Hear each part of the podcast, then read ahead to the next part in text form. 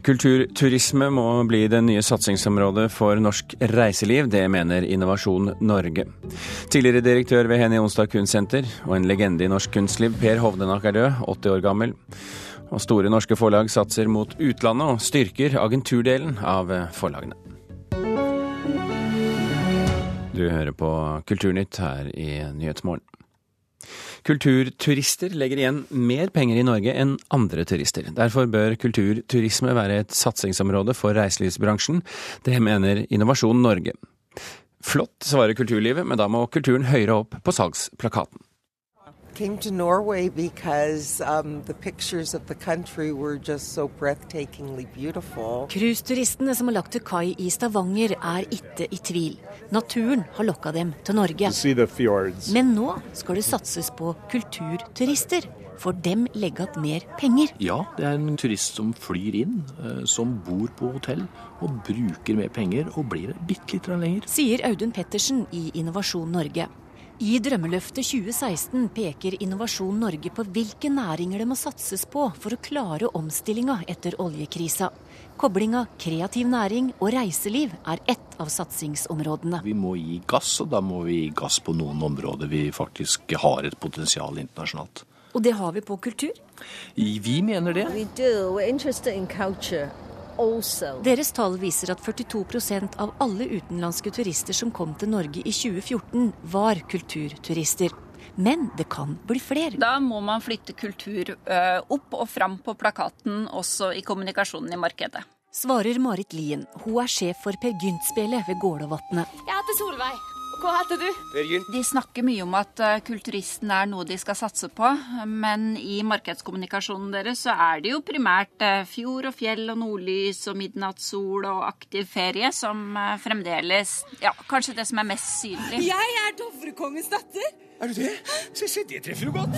Per Gynt gjør likevel det Innovasjon Norge etterspør tør å tenke kommersialisering i samarbeid med reiselivet. Det myldrer jo innenfor norsk eh, kulturliv som vil si at her er det faktisk mulig å kunne lage kommersielle produkter.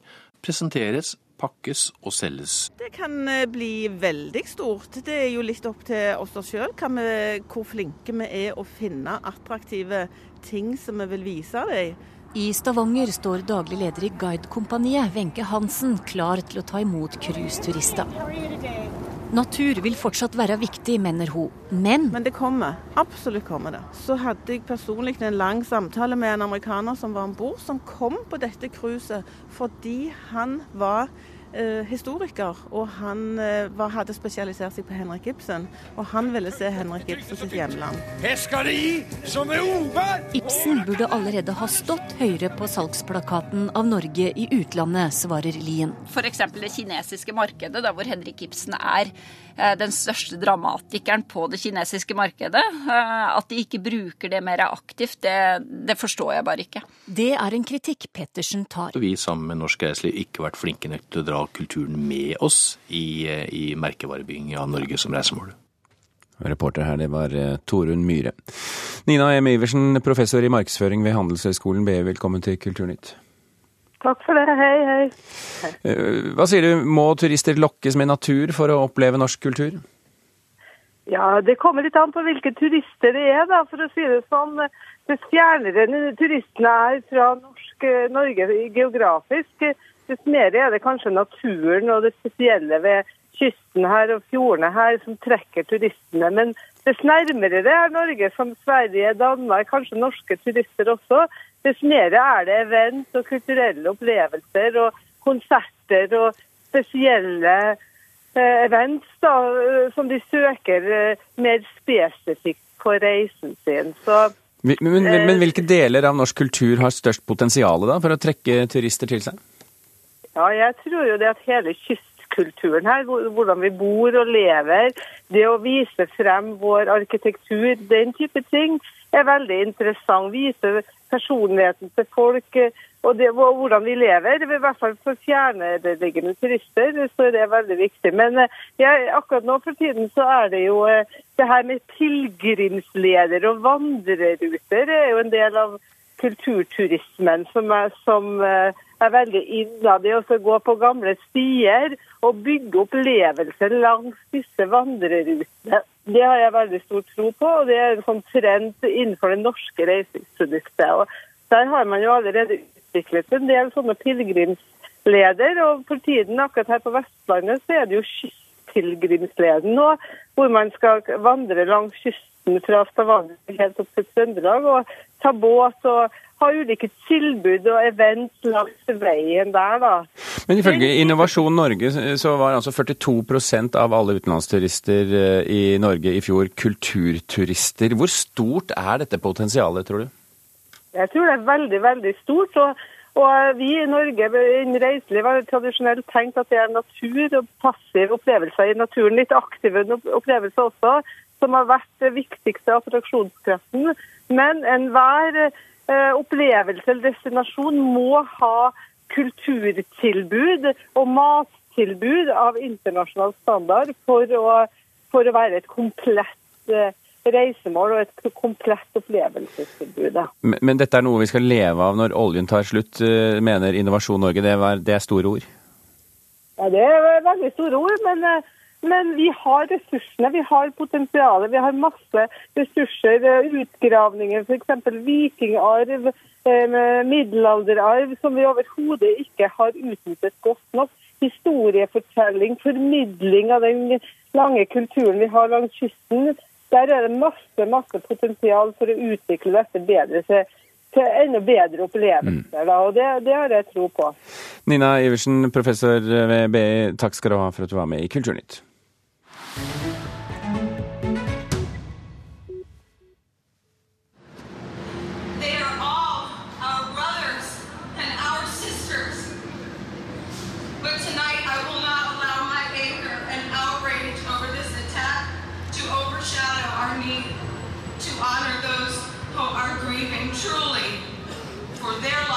Ja, dette er eh, artisten Lady Gaga som hadde store problemer med å holde tilbake tårene da hun eh, holdt tale på en minnestund for ofrene for massedrapene i en eh, nattklubb i Orlando i Florida.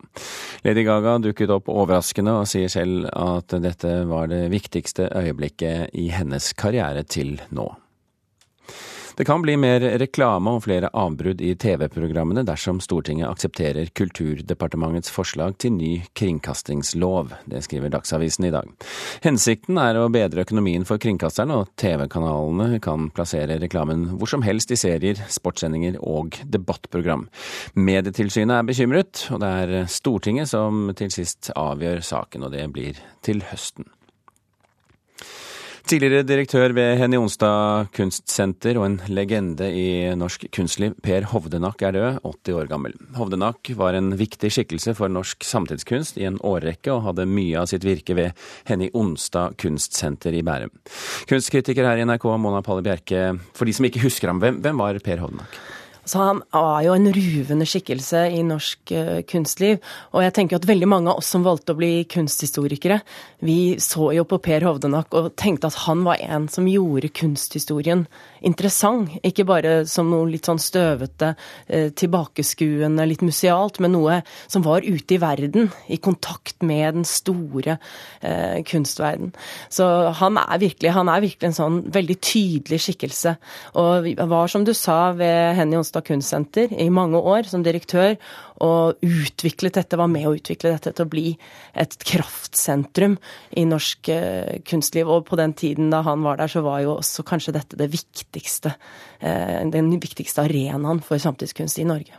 Det ryktes at han var kompis med Bob Dylan annet, og han var eh, jevnlig på besøk hjemme hos Hovdenak i Bærum når turneen dro ham forbi. Hva, hva, forteller det om Hovdenak? Ja, altså, han hadde jo helt utrolig liksom, menneskelige egenskaper til å komme i kontakt med, med folk. og Han var jo også, han var jo et, hadde et enormt nettverk, og full av anekdoter var han. Og kunne fortelle om disse møtene, disse, disse vennskapene han hadde med veldig sånne sagnomsuste skikkelser. Og dette var jo utgangspunkt for den spalten han frem til for noen år siden hadde i Klassekampen, hvor han nettopp skrev om sitt møte med Ayoko Ono, og kanskje var det Andy Warhol og den type skikkelser. Hadde han noe betydning utenfor landets grenser? Det hadde han absolutt. Han var jo både kurator, han var forfatter, og han eh, kuraterte flere utstillinger i eh, mange land. USA, Danmark, Nederland, flere andre land. Og så var han jo også knyttet knyttet til Sao Paulo-biennalen mm. i Brasil. Så han var en markant skikkelse også på den internasjonale kunstscenen. Og nå i helgen så åpnet det en stor utstilling på Onsdag over Nikolai Astrup, og, og Hovnak var jo selv den som tok initiativ til den første store presentasjonen av Nikolai Astrup eh, på Henny Onsdag kunstsenter i 1994. Noe poetisk i det, kanskje? Ja, så det er liksom litt ringen eh, sluttet også. Mona Fallebjerke, vi venter mer av deg senere i sendingen. Da skal vi snakke om Alex Israel, men inntil videre skal vi til eh, noe helt annet. For Hartvig Nissen videregående skole i Oslo har nesten doblet søkertallet i år sammenlignet med i fjor. Hvorfor det, kan du spørre. Eh, flere tror at det er pga. den populære NRK-serien Skam, for ungdommene i den TV-serien, de går på nissen. Skal vi svare på Sverige? Ja. Fuck. Eva? Que hace el personaje principal de esta historia? De her stemmene begynner du kanskje å bli vel kjent med nå. Jeg sa, jeg sa ikke at vi hadde sex. Jeg sa bare at, at han eh, fingret meg litt i baksetet på taxien. Vi hadde, vi hadde ikke sex. Nei, men... William er på skolen. Han gikk inn på kontorbygget ved rektor. Rundt 200 000 seere har fulgt førsteklassingene ved Hartvig Nissen, Nora Chris, Sana, Eva og Vilde i ungdomsserien Skam de siste ni månedene. Serien er så populær at det ikke bare er NRK som kan feire. Ja, Det er alltid gledelig med økning i søkertallene. Sier rektor ved Hartvig Nissen, Hanna Norum Eliassen. Sammenligna med i fjor har nesten dobbelt så mange tiendeklassinger søkt seg til studiespesialisering og dramalinja på skolen i år. Og det er det en spesiell grunn til, ifølge rektor. Vi tror at det kanskje kan ha litt sammenheng med at Skam har vært, oss, vært med og satt oss på agendaen for mange elever. Er altså den kjempestore interessen som serien har skapt blant nettopp ungdomsskoleelever som straks skal velge skole, eller da som valgte nå rett før 1.3, så tror vi at det altså Fra vi kanskje levde en litt anonym tilværelse, så er det flere som har hørt om oss. Hun understreker at eh, søkertallet varierer fra år til år. Likevel, mot 50 søkere på studiespesialisering i fjor, var tallet 90 i år. For drama søkt 60 i fjor og 90 i år. Jeg tror mange gjør det bare fordi eller de har lyst til å bli en del av Skam og den suksessen det har vært. Tiendeklassingene ved Majorstua skole har ikke latt seg inspirere av Skam når de har søkt på videregående, men kjenner elever på andre skoler som har gjort nettopp det. Det er liksom folk fra Marienlyst og på KG, så er det folk som har søkt på Nissen pga. Skam. Hvis de sier at de går på Hartvig Nissen, da, så tenker folk at ja, det er den skolen som er på Skam. Så da kan du høre litt sånn Kjendisskole, på en måte? Ja, men um, ja, det skam gjorde ikke at jeg ville gå der mer. Det vil jo kanskje ikke anbefale elever å søke en skole ene og alene pga. at de har sett den på en TV-serie. Sier påtroppende leder i Elevorganisasjonen Silvia Lind. Hun tror likevel ikke det er fare på ferde for de elevene som har latt seg inspirere av Skam. Jeg tror jo at eh, Hartvig Nissen også har eh, ganske bra faglige tilbud, så jeg tror ikke de trenger å være bekymra. Det var Marit Gjelland som hadde laget denne saken. Klokken har passert 16 minutter over åtte. Du hører på Kulturnytt, og dette er toppsakene i Nyhetsmorgen nå. Arbeidsforholdene for de som jobber med betalingstjenesten VIPS granskes av Arbeidstilsynet. Et LO-forbund har varslet om svært lange arbeidsdager for indiske IT-arbeidere ved DNBs kontor i Oslo. De fleste utenlandske prostituerte på gata i Oslo har bakmenn som tvinger dem til å selge sex. Likevel er det svært vanskelig å ta bakmennene, ifølge politiet, fordi jentene ikke tør å fortelle. Og Hillary Clinton vant demokratenes siste primærvalg i Washington DC. I natt avsluttet Clinton og hovedmotstander Bernie Sanders nominasjonsvalgkampen med et samarbeidsmøte. Store norske forlag satser mot utlandet og styrker agenturdelen av forlagene. Mens Gyldendal inngår samarbeid med danske Copenhagen Literary Agency, starter Aschehoug og Oktober nye Oslo Literary Agency. Flere av de største norske forfatterne blir i dag eh, representert av utenlandske agenturer utenfor forlagene. Her har vi på litt forskjellige språk. Sønnen til Jo Nesbø f.eks. Selger veldig godt. Inne på bokhandelen Nordli i Oslo er det egne hyller for norske forfattere som er oversatt til et annet språk. Kjersti Andelsdatter Skomsvold, 'The faster I walk, the smaller I am'. Karin Fossum er her, og selvfølgelig Knausgård, åpenbart. Sier Hildegunn Hofsmo. Noen av forfatterne i de her hyllene har solgt millioner av bøker i utlandet. Dr. Proktor-bøkene på spansk. Men mange av dem blir ikke representert av norske forlag. Aschehougs Jo Nesbø f.eks., som har solgt 25 millioner bøker på verdensbasis, blir representert av svenske Salamonsson Agency. Vi føler jo det er veldig viktig at, eh, at, dette er en arbeid som skjer av norske aktører. Vi tror det er veldig veldig viktig at det er eh, i Norge eh, litteraturen løftes frem. Sier Mats Nygaard, forlegger i Aschehoug.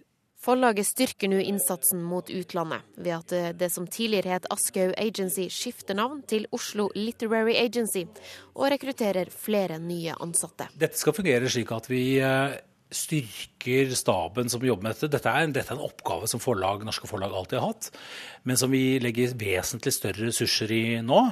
Eh, slik at vi i større grad enn tidligere kan nå ut til forlag og agenter i andre land med våre rettigheter.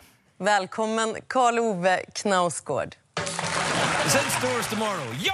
De opptrer på TV-show og festivaler. Jo Nesbø og Karl Ove Knausgård er blitt store forfatterstjerner ute i verden, men altså uten et norsk agentur. Redaksjonssjef i Gyldendal, Kari Marstein, sier de merker at markedet forandrer seg. Det er et utfordrende marked, vanskelig situasjon. Det er mange om beinet, og det er vanskelig å få god økonomi i det. Det kan være ganske krevende å få til disse utenlandssalgene. De har valgt å inngå samarbeid med danske Copenhagen Literary Agency. Det er jo slik at når noen forfattere når et visst nivå av berømmelse eller potensial, eller sånt, så ser vi at norske forfattere blir plukket av utenlandske agenturer. Så når vi inngår samarbeid med Copenhagen Literary Agency, så er det jo også for at vi kan litt mer styre dette. Vi har valgt en samarbeidspartner som er både veldig ansvarlig og sterk på kvalitet og langsiktig, og vi tror det er en stor fordel at vi da kan råde våre forfattere til å samarbeide med dem. I 2019 er Norge plukka ut som hovedland på den store bokmessa i Frankfurt. Der kommer interessen fra utenlandske agenter til å være stor, tror forlegger Mats Nygaard. Han har følgende plan for å beholde framtidige stjerner innomhus, slik at de ikke forsvinner slik Jo Nesbø gjorde. Det er å gjøre det helt unødvendig for norske forfattere å, å se seg om etter andre løsninger, men, men, se at vi har en god løsning her hjemme. Det må jo være litt frustrerende da når, når en så stor forfatter havner et annet sted, utenfor huset. Ja, vi, Vår ambisjon er selvfølgelig soleklart å, å gjøre det på beste måte selv. Klart det. Mats Nygaard til reporter Irina Kjelle. Gatemagasinet Klar er igjen truet av pengemangel og har lagt sin eiendom i Kristiansand ut for salg. Magasinet selges av folk i rusmiddelmiljøet på Sørlandet og har i flere år vært avhengig av private gaver for å få gitt ut nye nummer. Leder av stiftelsen Klar, Oddmund Harsvik, sier pengekassa nå er tom, og håper eiendomssalget skal frigjøre 900 000 kroner til videre drift. For meg er det viktig at det går så langt vi kan for å fortsette det lengst mulig. Altså De pengene vi får for uh, salget vil jo bli oppbrukt rimelig fort, de også, med det underskuddet vi har på hvert nummer nå. Men uh, det er i alle fall en utsettelse og så et håp om at ting skal snu. Gatemagasinet Klar har i dag tilholdt stedet i Dronningens gate i sentrum av Kristiansand. Oddmund Harsvik sier det er gode lokaler for dem, men han ser ikke noen annen utvei enn å selge nå for at magasinet skal overleve. Får vi solgt den, så har vi 800 000-900 000 frigitt, så vi kan fortsette driften. Da får vi leie en annen. Kommuneoverlege Dagfinn Horr i Kristiansand sier arbeidet til Klar har vært til stor hjelp.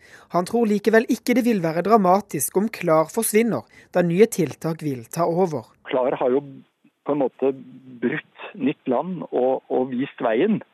Slik at jeg er ganske sikker på at det vil komme nye tiltak.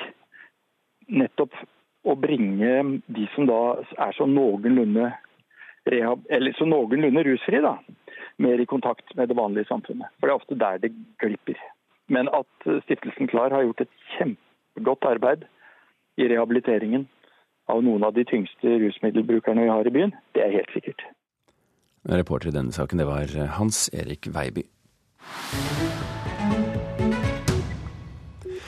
Den amerikanske kunstneren Alex Israel har hatt en kometkarriere. Bare på få år har han bygget seg opp til å bli en av superstjernene i kunstens verden. Og for første gang i Norge viser Astrup Fearnley-museet i Oslo en utstilling med den feirede 33 år gamle kunstneren. Og Mona Palle Bjerke, kunstkritiker her i NRK.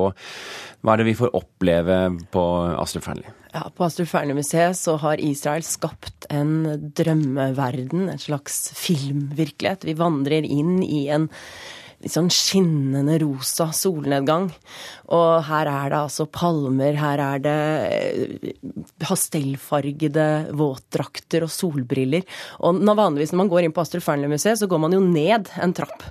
Eh, men nå så har han bygget en kjempestor trebrygge, så publikum kan gå rett ut på denne piren, som da er Paradise Cove Pier fra Malibu, eh, og som vi ser i mange Hollywood-filmer, som er et sånt motiv. Og der kan vi da vandre ut og lene oss mot rekkverket og føle oss som en karakter i en romantisk mm. komedie. Da. Kunne kanskje også tatt på oss eh, Alex Israels selvdesignede solbriller? Eksakt. Og han har jo også disse på seg hele tiden. Dette er en del av hans enigmatiske persona. Når han møtte pressen, så gikk han med solbriller, og det er jo for at ikke vi skal få helt grep på han.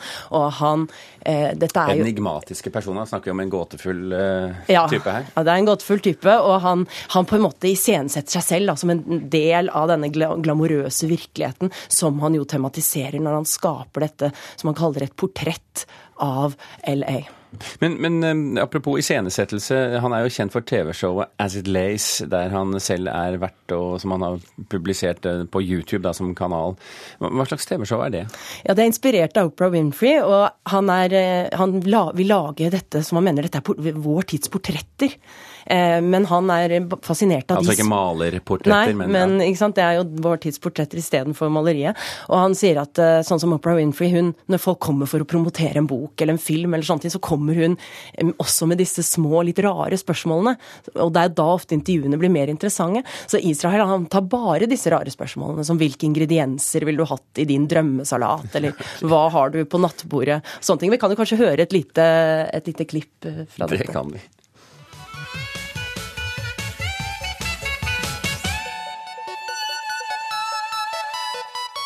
We'll just get started with the questions. Okay.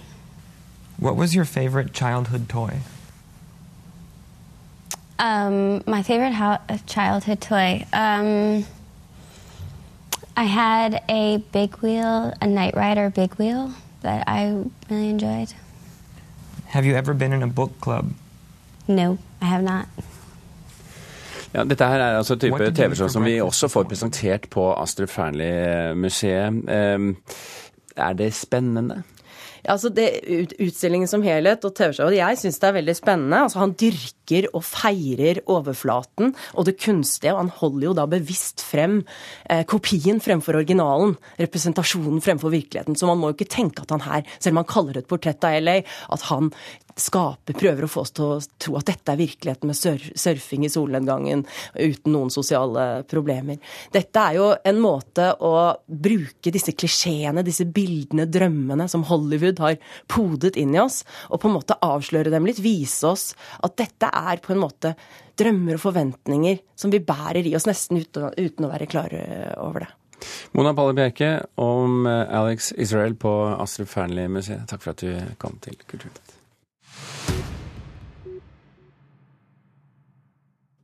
I år er det 100 år siden Roald Dahl ble født. Gjennom hele livet skrev forfatteren brev til sin norske mor, Sofie.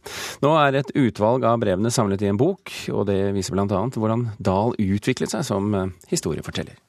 Det er virkelig ganske fantastisk å, å sitte her i en liten engelsk landsby og vite, og vite med seg selv at, at barn over hele verden har glede av det jeg har skrevet. 13.9 er det 100 år siden norsk-britiske Roald Dahl ble født. Well, it makes me laugh, you see. det er morsomt. Jeg, Willy Wonka, har besluttet å invitere fem barn. Dahl, kjent over hele verden for Charlie og sjokoladefabrikken og sine mange andre barnebøker, og òg sine ofte makabre noveller for voksne, hadde et nært forhold til sin mor, norske Sofie Magdalene. Når jeg var eh, syv-åtte eh, i Oslo, Vi var på ferie, og min mor eh, tok meg til en, eh, en spesialist. Dahl ble født i Wales med norsk far og norsk mor. Faren døde da Dahl bare var tre år gammel, og gjennom hele livet fra han var åtte år gammel og gikk på kostskole, til han var pilot under andre verdenskrig og senere britisk spion i USA, skrev Roald brev til mora, sier forfatter og redaktør Donald Sturrock. Um, his mother, it appears, kept them all, unbeknownst to him, all the way through the war, all the way through his school days, um, and she wrapped them up in bundles. De fleste brevene stammer fra skoledagene til han debuterte som forfatter ved slutten av andre verdenskrig. Først da Sofie døde i 1967, oppdaga Roald Dahl at hun hadde tatt vare på brevene hans, til sammen 600 stykker. Nå har Donald Sturrock, som i 2010 ga ut Dahl-biografien 'Storyteller', valgt ut 100 av brevene. For et par uker siden ga han ut boka 'Love from Boy Roald Dahls Letter to His Mother' i Storbritannia. Boka er foreløpig ikke å få tak i på norsk. It does show anyone who's interested in, in Roald Dahl what, you know, what he was writing before he became a writer officially. Sturrock syns brevene er interessante og underholdende fordi de er de første eksemplene på Dahls skriving. And inventing quite fantastical situations with animals and things. So you see, in, in, in that respect, they were his very, very first stories. Um, and they were written largely to entertain his mother. Reporter her, det var Miriam Grov. Kulturnytt er i ferd med å runde av. Lisa Stokke og Birger Kolsrud Aasund takker for følget.